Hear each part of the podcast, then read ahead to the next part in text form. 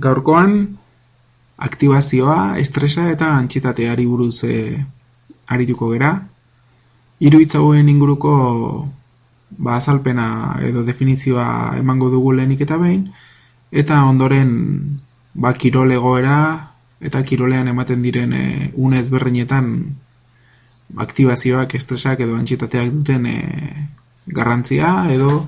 daukan eragina aztertzen e, saiatuko gera. Lehenik eta bain hitzak definitzen saiatuko gera, eta hasiko gera e, aktibazioa edo arausal ere deitua da, beraz bi hitz e, hauek e, sinonimo bezala erabiliko ditugu, aktibazioa naiz arausal. Aktibazioa izango litzateke e, losakonetik, edo losakon une horretatik, e, estitazio maila goreneara arteko e, kontinuum bat, izango litzateke, marra bat jarriko bagenu, ertz batean egongo litzateke loa, e, hori izango litzateke aktibazio mailarik e, bajuena, eta estitazio maila gorena berriz izango litzateke aktibazio maila altuena. Zenbakiekin irudikatzen badugu, loa izango litzateke 0 maila, hau da ez daukagu inolako aktibaziorik, aktibazio maila 0 izango litzateke loan, eta aktibazio maila altuena berriz amarra nola ere gure gorputzeko tensio hori, bai tensio fisiologikoa izan daiteken aktibazioak bi, bi motatakoa baita alde batetik fisiologikoa gorputzak berak e, daukan tensio puntu hori, eta baita psikologikoa ere, beraz e, bi, bi termino hauetan e, ere kontuan hartu behar dugu, ez da bakarrik fisiologikoa edo ez da bakarrik e, psikologikoa, baizik eta fisiologikoa eta psikologikoa, biak ditu. Beraz, e, ba, zerotik amarrerako tarte hortan irudika dezakegu zer den e, aktibazioa. Ondoren, bigarren e, definituko dugun hitza izango, izango da antxietatea, eta antxietateak e, izango du ezaugarri negatiboekin gehiago izango du zer ikusia. Hau da, zerbait mehatxugarria denean, e, kaltegarria izan daitekela pentsatzen badugu, arriskutsua, edo simpleki edo besterik gabe ez desiratua den egoera baten aurrean gaudenean, gorputzak modu e, antxetatea eraginez e, erreakzionatzen du. Antxetate mota ezberdinetan, e, edo antxetate mota ezberdinak daudela kontuan hartu behar dugu, alde batetik izango dugu e, antxetate ezaugarria, eta hau izango da nortasunaren ezaugarri bat, jokabide joera bat, hainbat egoera eta estimulo modu objektiboan e, mehatxagarriak ez direnen egoera hoien aurrean, ba gure nortasunaren ezaugarri horregatik modu antxiosoan edo urduritasun handiarekin e, erreakzionatzen duten pertsonak e, izango lirateke. Hau da, nortasunaren ezaugarri bezala pertsonak berez daukan ezaugarri e, berea, ezta? Adibidez, jartzen badugu kirol batean badaudela bi kirolari, biak ezaugarri fisiko, tekniko eta taktiko oso oso antzekoekin abilezia maila eta gaitasun maila ere, ba, ez dago diferentzia ondirik bien artean, baina batek e, antxedate ezaugarri hori, bere nortasunaren ezaugarri hori, e, garatu baldin badauka e, edozin egoeren aurrean modu urdurian erreakzionatzera, ba, dudarik gabe kirol egoeren aurrean, batak eta besteak naiz eta kirol maila eta gaitasun maila antzekoak izan, desberdin erreakzionatuko dute, batek urduritasun handiagoarekin erreakzionatuko duelako, besteak baino.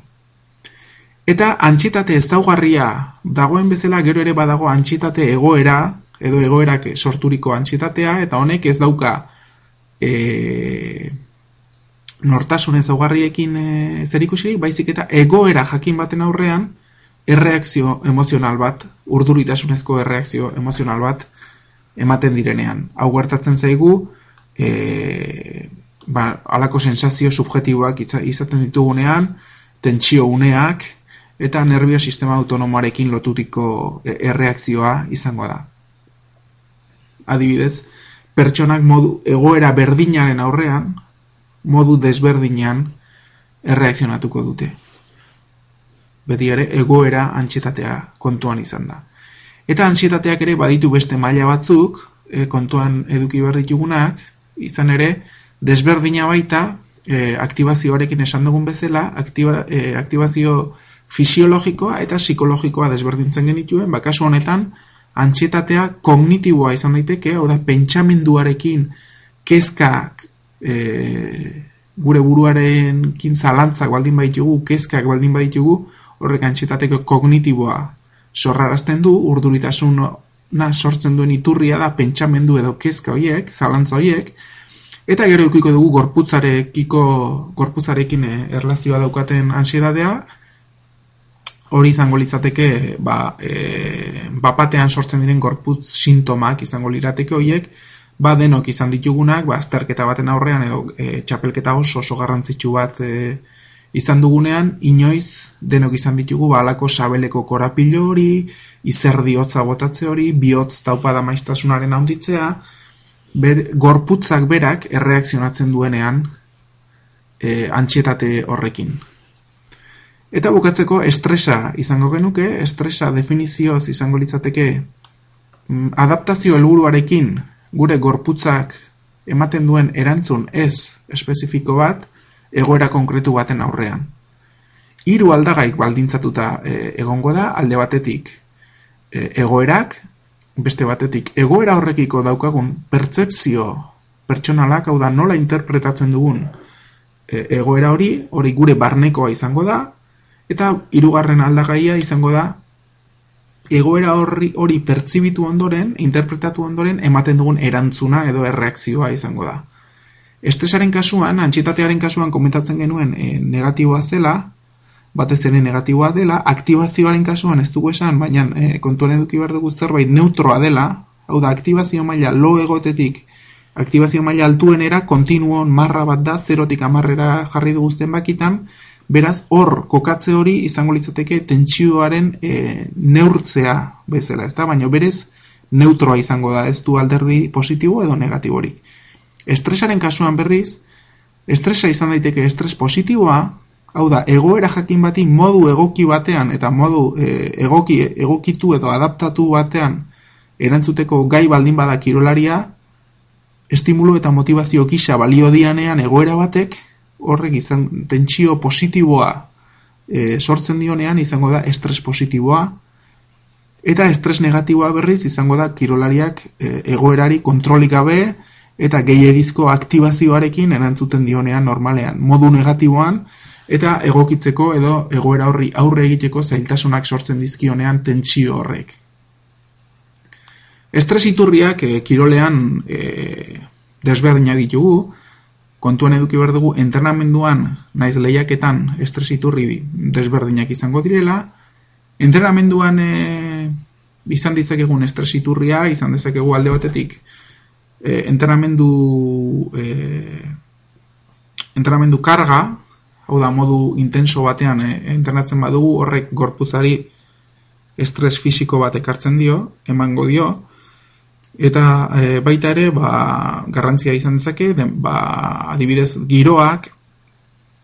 e, entrenamendurarekin ustartzeko lana eta ikasketak ustartze horrek, zailtasun horrek, lanetik horrik ahun behar badu, e, ba, edo ikasketako ikasketak direla eta ba, e, ordua justu dauko gulari juten bagera entrenatzera, ba, horrek estresa sortuko digu, entrenamenduaren karga fisiko eta psikologikoak ere bai, hau da, e, entrenamendu bat gogorra baldin bada, gogorra da, e, arlo fisikoan, baina baita ere psikologikoan, estres egoera horri aurre egin beharko baitiogu eta aurre egiten ikasi beharko baitugu. E, estresa ere sortu ezake zereginen monotoniak, e, lehen esan bezala ba, taldekidekin daukagun harremanak entrenamenduan, eta bar, baina batez ere estres iturri nagusiena lehiaketak izaten dira, lehiaketari aurre egin behar horrek eta lehiaketan izango dugun emaitzaren e, incertidumbre horrek ba beti ere estresa sortzen du. Eta gure esku egongo da estres horri modu positibo batean erantzutea edo modu negatibo batean erantzutea. Izan daiteke gauza bat, ba, lehiaketa ardura handiegiarekin hartzen badugu gure ez badugu ongi entrenatu eta zalantzekin iritsi bagera, ba, dudari gabe horrek estres negatiboa sortuko digu eta antxietatea ere bai, noski. Porrotari beldurra baldien badiogu, galtzean pentsatzen badugu, pentsamendu horiek ere eramango gaituzte antxietatea edukitzera, eta e, ba, beste, beste goeretako bat izaten da, iraganean esperientzia negatiboak izan baditugu, lehiaketetan, ba, zenbaitetan esperientzia negatibo hiek ba, zama bat bihurtzen dira, pixu bat bihurtzen dira, eta lehiaketa berri bati aurre egiteko orduan, ba, zailtasuna bihurtu daitezke. Orokorrean, e, ba, aktibazioa, batez ere gu kontrolatu dezakeguna da, aktibazioaren kontrolaren bitatz, bitartez, lortuko dugu estres maila kontrolatzea eta antxitatea ere kontrolatzea. Beraz,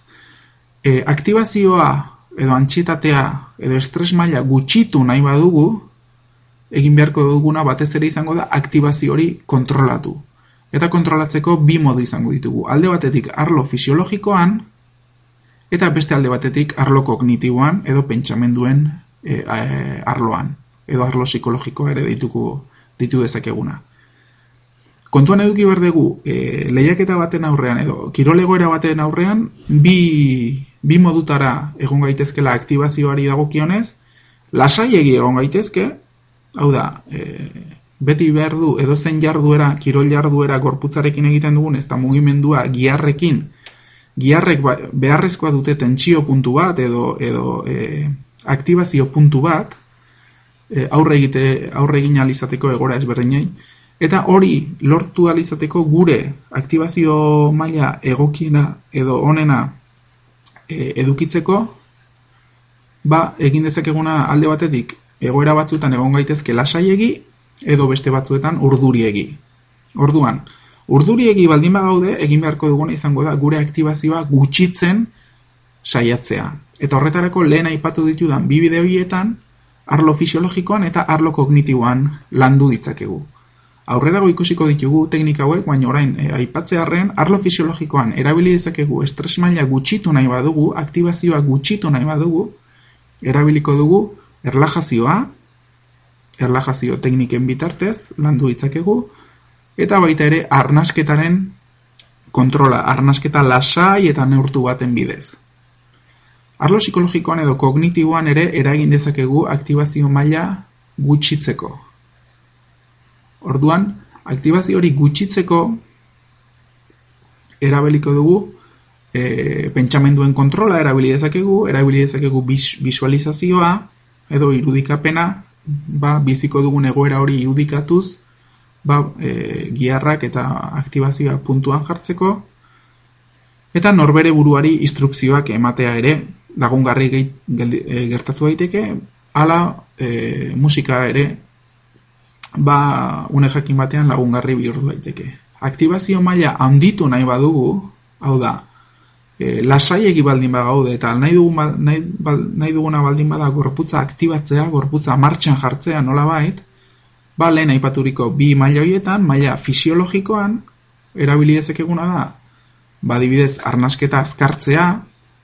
arnasketa azkartzearen bitartez bihotz eta taupadak ere onditu egingo zezkigu eta e, lagundu dezakegu hori giarren giarrak tensionatuz gior, e, ariketa eginez e, ba, giarrak puntuan jartzeko. Beroketan erabiltzen den e, e, ariketak e, beroketako ariketak hain zuzen ere horretarako erabiltzen baitira giarrak puntuan jartzeko. Eta arlo kognitiboan edo arlo psikologikoan erabili dezakegu pentsamenduen kontrola eta hitz gakoak erabiliz gure burua animatzeko, gure burua suspertzeko eta eta arlo psikologikoan ere puntuan jartzeko baita ere visualizazioa erabili dezakegu eta musika erritmoa daukan musika bat erabiliz edo gure benetan motibagarria eta indargarria sortatzen zaigun musika edo abestiren bat entzunez